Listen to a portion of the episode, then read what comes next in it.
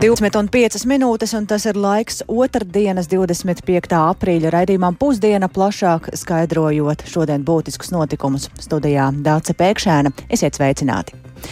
Latvijā jau otro dienu turpinās pedagoģu streiks. Šobrīd tas plānots trīs dienas, taču vai tas varētu būt pat ilgāks? Tas ir atkarīgs no pedagoģu arotbiedrības un izglītības un zinātnes ministrijas sarunām par streika prasību izpildi. Pirmā saruna kārta notika jau vakar pēcpusdienā pēc plašās protesta akcijas. Šorīt sarunas ministrijas ēkā atkal turpinās, un tām līdzi seko arī kolēģi Zāne Eniņa. Un, uh, Viņa šobrīd ir tikko tikusi līdz studijai. Tas nozīmē, ka laikam arī saruna otrais rauns ir beidzies. Ar ko tas ir beidzies? Jā, sveiki, klausītāji, labdien, Dace. Um, nu, Pirmais jautājums, kas rodas, vai tagad uh, Izglītības un zinātnes ministrija un arotbiedrība runā vienā valodā, vai spēj saprasties, vai runā par vieniem un tiem pašiem lielumiem. Um, pēc tām atbildēm, ko pēc šī saruna raunda sniedza ministrija un arotbiedrība, uh, šāds iespējas man nav radies, jo ministrija runā par zemāko likmju celšanu, savukārt arotbiedrība runā par to, ka ir nepieciešams pārreikināt viena skolēna izmaksas. Tātad sarunām ir paredzēts arī turpinājums, kas notiks pēcpusdienā, 2015. klātesot arī Finanšu ministrijas pārstāvjiem.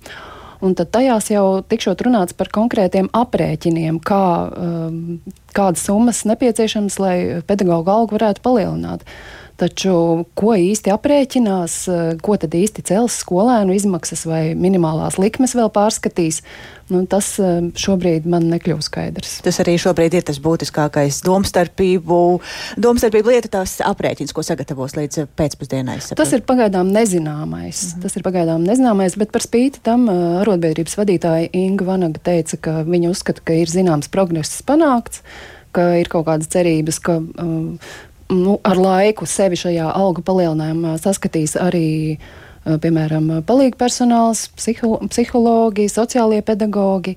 Nu, vēl esot jārunā par augstskolu pasniedzējiem, par administrāciju, lai patiešām nu, šajā algu sarakstā nu, ar lielākiem skaitļiem sevi saskata visi pedagoģi. Kāds tas emocionālais fons ir šā, šīm sarunām? Tās jau ir tādas nokaitētas vai tomēr tādas konstruktīvas? Nu, pašās ir? sarunās nevarēja būt klāt mēdī, jo pirms sākās sēde. Eh, izglītības un zinātnes ministra Anna Čakša no jaunās vienotības lūdza mēdījus atstāt telpu, ka, eh, nu, ka mēdīju klātbūtni traucēšot, kaut gan arotbiedrība uzskatīja, ka nu, mēdīji, tā kā mēdīji interesējas ļoti par šo jautājumu, tiem būtu jābūt klāt. Līdz ar to par to, kādā gaisotnē notiks sarunas, nevar spriest. Tomēr pēc sarunas izvērtās tāda diezgan asa vārdu pārmaiņa starp eh, Ingu Vanagu un ministrs padomnieku Sergeju Cūpovu, kurš aicināja viņu nemaldināt mēdījus un, un runāt par citiem liel, lielumiem. Savukārt viņa argumentēja, ka viņa runā tieši par īstajiem lielumiem un ministriju maldinot. Nu, tā, tā, tā ka nevar teikt, ka viss tur būtu ļoti gludi. Tad šobrīd arī ir vēl pāragri runāt par to, vai streiks tiešām būs trīs dienas, vai arī kā iepriekš izskanēs, ka varbūt pat vēl ilgāk. Nu, turpināsim sekot, eh, kurā brīdī un vai izdosies panākt vienošanos. Paldies eh, Zanai Ēniņai par šīm sarunām un atgādināšu, ka arotbiedrības tātad līdz šim uzstāja, ka streiks netiek pārtraukts, jo visas streika prasības nesot izpildītas un tās galvenās domstarpības par algu pilkumu pašlaik labāk atalgojumiem pedagogiem turpināsies arī vēl sarunas par šiem aprēķiniem. Tikmēr streiks visā Latvijā turpinās. Katrā novadā un skolā atšķirīgi. Piemēram, Rīgā streika dēļ šodien ir slēgti 25 bērnu dārzi un 9 skolas. Reizeknē savukārt streiko aptuveni 60% pedagoģi ir pieteikušās visas skolas, taču nepiedalās vairākas pirmsskolas izglītības iestādes. Pilnībā mācības nenotiek divās no deviņām Reizeknes skolām, citur stundas notiek daļēji. Gandrīz visi pedagoģi streiko piektajā pamatskolā un tur mācības izņemot koru mēģinājums nenotiek. Šodien tur paviesojas arī kolēģi no Latgales studijas Laura Ieviņa. Laura šobrīd pievienojas mums tiešaidēs sveika, Laura. Labdien, Dace, labdien, klausītāji! Jā, varu pastāstīt to, ko es uzzināju, ka Rēzeknes pilsētā streikā piedalās kopumā 450 darbinieki. Lielākā daļa no tiem, protams, ir pedagoģi, bet ir arī atbalsta personāls, psiholoģi, logopēdi, skolotāju palīgi Un, uh, kopumā tās ir 17 izglītības iestādes, kas streiko. Uh, jā, lielākajā daļā mācības notiek daļēji. Skolēni apmeklē tās mācību stundas, kur skolotāji nestreiko. Piemēram, pirmajā gimnājā tā ir uh, matemātika un fizika. Uh, un pilnībā tātad, mācību process ir pārtraukts Poļavas gimnājā un arī 5. pamatskolā. Bērnus neuzņem arī trīs pirmskolas izglītības iestādes. No 450 darbiniekiem 87 vakar brauca arī uz Rīgu, lai piedalītos protesta gājienā. Un pēc šī brauciena man līdz Reizeknas arodu organizācijas priekšsēdētāja Janīna Staudža.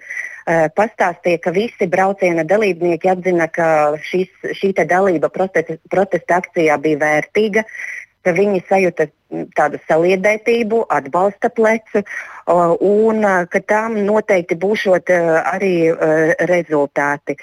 Ka, ka, nu, viņi atzina, ka kaut kas beidzot pašiem ir arī jādara, lai šos rezultātus sasniegtu. Jā, taisnība. Šodien biju aizgājusi uz 5. pamatskolu, kur mācības ir pārtrauktas. Bērnu čalu nebija. Eh, satiku tikai eh, dažas dežurantes, apkopējas, bet bija arī divas mūzikas skolotājas. Eh, viņas, lai arī streiko, bet nāk uz koru mēģinājumiem, jo šobrīd notiek aktīva gatavošanās koru skatēm. Piemēram, Iveta Kepule arī teica, ka viņa streiko, bet uz mēģinājumiem katru dienu nāk, arī rīt būšot mēģinājums. Un tas, ko viņa man pastāstīja, nu, ka viņas tā galvenā sāpe ir nesabalansētā slodze un mācību materiālu trūkums, ka šobrīd ļoti ilgi uh, jāgatavojas mācību stundām. Skolā satiko arī skolas direktori Viju Poikāni. Viņa teica, ka kopumā streiko 46 no 50 pedagogiem, divi esot uz slimības lapas, divi blakus darbā. Un, paklausīsimies, kā viņa vērtē līdzinējos streika rezultātus. Sistēma ir ļoti ilgstoši nesakārtota. Skolotāji ir pārguruši dēļ pārslodzes. Es teiktu, ka tas ir primārais. Algas varētu būt otršķirīgais, solīts makā nekrīt. Tā es domāju pagaidām, jo tas, ko es saņēmu arī no ministrijas, visas tās prezentācijas, nu, līdz galam nav saprotams, kā tas viss notiks ar 1. septembri. Laikam tā ir, kā arī Kariņa kungs teica, ka viņš Un ministrija domā, ka jāpaukstina tikai tā minimālā darba samaksa, bet eh, skolotāji domā, ka jāpaukstina proporcionāli visiem. Mūsu pilsētā nav nevienā skolā, kur būtu šī minimālā pedagoga alga 900 eiro. Visās mēs saņemam vairāk, Bet, ja jau tiek saņemts vairāk, tātad tā ir liela skola, tātad tur ir milzīgas klases, un līdz ar to ir papildus šī slodze. Mēs uzstājamies par to, lai proporcionāli tika paaugstinātas algas visiem. Šobrīd tāda pārliecība neredās. Vēl ne. Nu jā, tas, ko varu vēl piebilst, bija Poikānes pastāstīja, ka aizvadītajā nedēļā viņi esot rīkojuši arī vecāku kopsapulci un arī e-klasē visiem esot izsūtījuši informāciju par šo streiku un iebildumus uh, no vecāku puses uh, vai negatīvu attieksmi viņi nesot saņēmuši un ka vecāki izturas ar izpratni pret esošo situāciju. Paldies Laurai Ieviņai par ziņām no Reizeknes, un mēs noteikti turpināsim sekot streika gaitai. Bet šobrīd par notikumiem citvieta pasaulē. Desmitiem tūkstošiem civiliedzīvotāju un ārvalstu pilsoņu ir radusies iespēja pamest kara darbības pārņemto Sudānu pēc tam, kad konfliktā iesaistītās puses piekrita ievērot 72 stundu ilgu pamieru. Ja vairums ārzemnieku nonāks drošībā, tad daudziem sudāniešiem arī pēc izkļūšanas no bruņoto cīņu vissmagāk skartajām zonām draudēs briesmas, un plašāk par to Ulda Ķesberi ierakstā. Ģenerāļa Abdel Fataha al-Burhāna vadītā Sudānas armija un paramilitārais grupējums ātrā atbalsta spēki, ko komandē ģenerālis Muhammeds Hamdāns Daglo, vakar vakarā ar ASV starpniecību vienojās ievērot 72 stundu ilgu pamieru, kas sākās pusnaktī. Par to paziņoja ASV valsts sekretārs Antonijs Blinkens, kurš sacīja, ka sarunas par iespējamo pamieru esot ilgušas 48 stundas. Mēs turpinām tiešas sarunas ar ģenerāli Burhānu un ģenerāli Daglo Maduro, lai piespiestu viņus pagarināt un paplašināt pamieru līdz pastāvīgai uguns pārtraukšanai, kas novērstu turpmāku vardarbību un ievērotu humanitārās saistības. Sudānas iedzīvotāji neatsakās no vēlmes pēc drošas, brīvas un demokrātiskas nākotnes, un arī mēs neatsakāmies. ASV strādās ar visām pusēm, sadarbojoties ar reģionālajiem un starptautiskajiem partneriem, lai izbeigtu kaujas Sudānā un panāktu atgriešanos pie pārējas uz civilo valdību. to a civilian government. Nav gan lielas pārliecības, ka šis pamiers patiešām noturēsies, jo kopš bruņoto cīņu sākuma 15. aprīlī jau ir bijuši divi nesekmīgi mēģinājumi pārtraukt uguni. Līdz šim kara darbībā ir nogalināti vismaz 427 cilvēki, bet vēl gandrīz 4000 ir ievainoti. Taču pamiera vienošanās dod cerību evakuēties tūkstošiem civiliedzīvotāju un ārvalstu pilsoņu, kuri intensīvo kauju dēļ jau gandrīz divas nedēļas ir bijuši spiesti slēpties savos mitekļos. Nedēļas nogalē ārvalstis uzsāka savu pilsoņu evakuāciju no Sudānas. Francijas prezidents Emmanuels Macrons šodien informēja, ka franču karavīri no Sudānas ir izveduši 538 cilvēkus, kuru vidū bija 209 Francijas pilsoņi. Evakuācijas operācijas laikā ievainojumus ir guvis viens franču karavīrs, bet viņa dzīvībai briesmas nedraudot. Francijas ārlietu ministrija paziņoja, ka valsts vēstniecība Sudānas galvaspilsētā Hartūmā uz nenoteiktu laiku ir pārtraukusi darbu. Lielbritānijas premjerministrs Rišis Sunaks šodien paziņoja, ka ir uzsākta plaša operācija vairāk nekā 4000 valsts pilsoņu evakuācijai no Sudānas. Sunaka valdība ir saņēmusi daudz pārmetumu par pārāk gausu reakciju, atgādinot par haotiskajiem rietumu rietumvalstu centieniem izvest savus pilsoņus no Afganistānas 2021. gada augustā pēc talību atgriešanās pie varas. Tikmēr desmitiem tūkstošiem Sudānas pilsoņu pašiem ir jāmeklē iespējas, kā izkļūt no galvaspilsētas, kur norisinājās visintensīvākās apšaudes. Par savu bēgšanas pieredzi stāsta Hartumas iedzīvotāja Nūna Abdelbasita, kurā ar autobusu devās uz Ēģipti. Izkļūšana no Hartūmas pilnīgi noteikti bija visgrūtākā visa ceļojuma daļa, jo nācās izbraukt cauri kontrolposteņiem, kur tu nezini, vai tevi aplaupīs vai nogalinās. Es tikai turēju savas mammas roku un skatījos acīs vecmāmai. Mēs lūdzāmies, lai viss izdotos. Kopš kara darbības sākuma Sudānu ir pametuši vairāk nekā 20 tūkstoši civiliedzīvotāju. Viņi ir spiesti bēgt uz kaimiņu valstīm, piemēram, Dienvidsudānu, Etiopiju un Čādu, kur arī drošības situācija ir ļoti nestabila. Uldis Česberis, Latvijas radio. Eiropas Savienība apstiprinājusi pasaulē pirmos noteikumus kriptovalūtu regulēšanai. Tie ļaus bloķēt aizdomīgus darījumus, paredz arī kopīgu uzraudzību un klientu aizsardzību, kā arī ar tiem cer novērst nelikumīgi iegūtu līdzekļu legalizēšanu. Šāds regulējums varētu nozīmēt, ka Eiropas Savienība kļūs interesantāka digitālo aktīvu uzņēmumiem, liekot līdzīgu kārtību pieņemt arī citām valstīm. Plašāk par šo tēmatu Rihards Plūme. Viens no tiesību aktiem, ko Eiropas parlaments ir apstiprinājis, regulēs kriptoaktīvu, piemēram, bitkoinu un e-naudas žetonu pārskaitījumu izsekošanu. Tas nodrošinās kriptovalūtu pārskaitījumu izsekojamību, kas ļaus bloķēt aizdomīgus darījumus, tāpat kā tas iespējams ar citām finanšu operācijām. Uz kriptoaktīvu pārskaitījumiem turpmāk attieksies tā sauktais informācijas nodošanas noteikums, ko jau piemēro tradicionālajās finansēs. Informācijai par aktīva avotu un tās saņēmēju būs jāceļo kopā ar darījumu, un tā būs jāglabā abās pārskaitījuma pusēs. Eiroparlamentārieši devuši zaļo gaismu arī jauniem kopīgiem noteikumiem par kriptoaktīvu, tostarp kriptovalūtu uzraudzību, patērētāju aizsardzību un vides aizsardzības pasākumiem. Likumprojektā ir iekļauti aizsardzības pasākumi pret tirgus manipulācijām un finanšu noziegumiem. Kriptoaktīvu uzraudzības pasākumu regula attieksies uz kriptoaktīviem, kurus neregulē spēkā esošie finanšu pakalpojumu tiesību akti. Uzņēmumiem, kas emitē un tirgo kriptoaktīvus, būs jāievēro noteikumi par pārredzamību, informācijas atklāšanu, atļauju izsniegšanu un darījumu uzraudzību. Savukārt patērētāji būs labāk informēti par riskiem, izmaksām un cenām, kas saistīti ar to veiktajiem darījumiem. Tāpat jaunajā tiesību aktā ir iekļauti pasākumi pret tirgus manipulācijām un nelikumīgi iegūtu līdzekļu legalizēšanu, arī teroristu finansēšanu un citām noziedzīgām darbībām. Visbeidzot, lai mazinātu kriptovalūtu ietekmi uz oglekļa dioksīda emisijām, lielākajiem pakalpojumu sniedzējiem būs jāatklāj informācija par enerģijas patēriņu. Šī regulējuma pieņemšana gan nenozīmē, ka darbs pie nozares uzraudzības būtu apstājies, jo tā turpina attīstīties un nākotnē varētu būt nepieciešams noteikt arī citus regulējumus. Uz to Eiropas parlamentā vērsa uzmanību finanšu pakalpojumu komisāre Mareida Maginese. So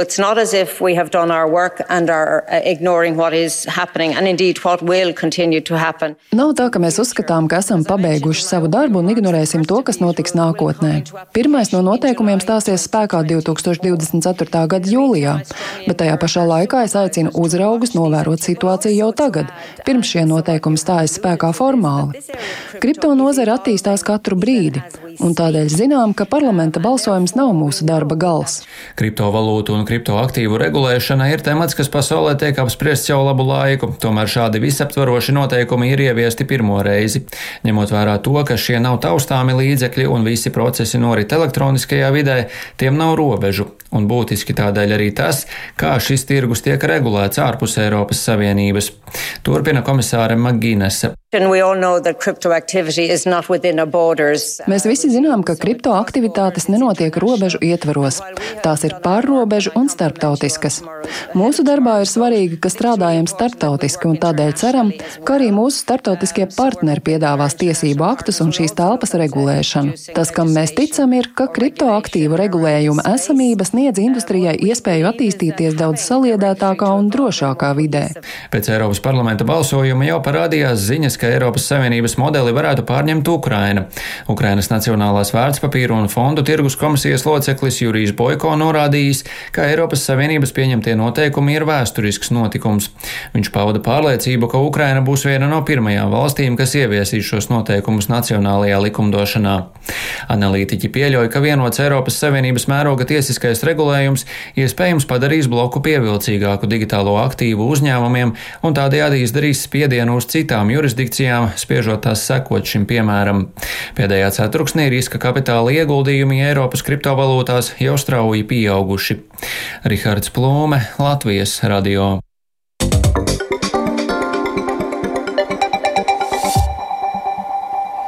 Un atgriežamies pašmājās. Saimas juridiskā komisija šodienas sēdē nolēma rosināt izmaiņas administratīvo sodu likumā vēl pirms vasaras sezonas, nosakot atbildību par trokšņošanu ne tikai privātpersonām, bet arī juridiskām personām, piemēram, restorāniem un bāriem. Komisijas vadītājs Andrejs Judins atzina, ka likumdošanā šajā jomā ir bijis caurums, jo piesārņojuma likums, kurā arī ir trokšņu regulējums, situācija īsti nerisina, un viņš mudināja izveidot arī starpnozaru darba grupu, lai trokšņu problēmu, kas visu aktuālākā ir galvaspilsētā, vērtītu vēl sīkāk un arī attiecīgi piemērotu likumdošanu. Kādreiz mums bija administratīva pārkāpuma kodeksa atbildība paredzēta, jā, to pārcēlā to pantu uz eh, piesārņojuma likumu. Bet, ja mēs paskatīsimies uz situāciju no cilvēka pozīcijas, tad kāda ir viņam starpība, kas ir traucējušais avots? Viņam vienalga, viņam ir tiesības uz mieru, un eh, mūsu pienākums tieši domāt, kā viņam to mieru nodrošināt, kā viņu aizsargāt. Piebildīšu, ka trokšņu situāciju apspriest ir rosinājusi iedzīvotāja iniciatīva Naktsmieru Rīgai, bet vairāk par to skaidrosim raidījumā pēcpusdienu. Tikmēr pēc nepilnas stundas pie valdības ēkas sāksies centrā Marta sadarbībā ar organizācijām sievietei paveicās un protests rīkots pikets. Tajā prasīs atbildīgo iestāžu rīcību saistībā ar nolaidību Jēkabpilī notikušās slepkavības lietā, kā arī politisku atbildību par ilgadēju neizdarību, norādot, ka ir pēdējais brīdis ratificēt Stambuls konvenciju. Vairāk par to Marta vadītāja Iluta Lāce. Mēs vēlamies panākt to, ka tiek uztverts, ka vardarbība pret sievieti ir noziegums. Pie pirmās izdevības, kad sieviete tiek vajāta, pazemota un viņa vēršās pēc palīdzības un izmanto visu to, kas likumā ir dots, lai pasargātu šo viņas dzīvību, tas arī tiek izmantots no tiesību sargājošo institūciju puses. Un mēs vēlamies saprast, kas par ko ir atbildīgs, kā tas ir noticis, ka visi tie rīki, kas likumā ir paredzēti, netika izmantot, lai nosargātu sievietes dzīvību.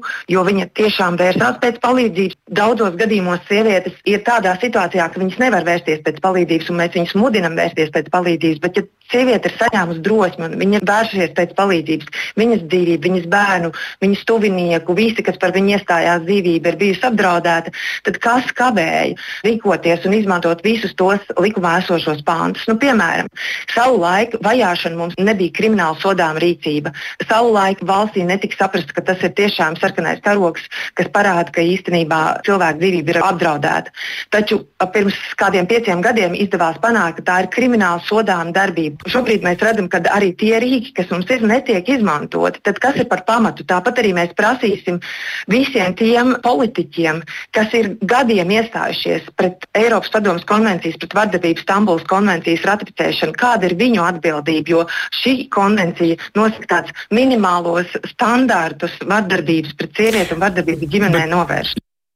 Tik tālu Mārta vadītāja Iluta Lāce arī par to, ka ir pēdējais brīdis ratificēt Stambuls konvenciju, taču 14. saimā nav pietiekama atbalsta tam. Skaidru atbalstu apstiprināšanai pauž tikai divas no septiņām frakcijām - jaunā vienotība un progresīvie. Konvencijas iedzīvināšana dotu sistēmu vardarbības prevencijai, kas iespējams ļautu novērst tādas traģēdijas kā nesen Jēkapilī. Pret argumentos gan izskan norādes, kā ar vēl viena dokumenta apstiprināšanu problēma ar vardarbību ģimenē.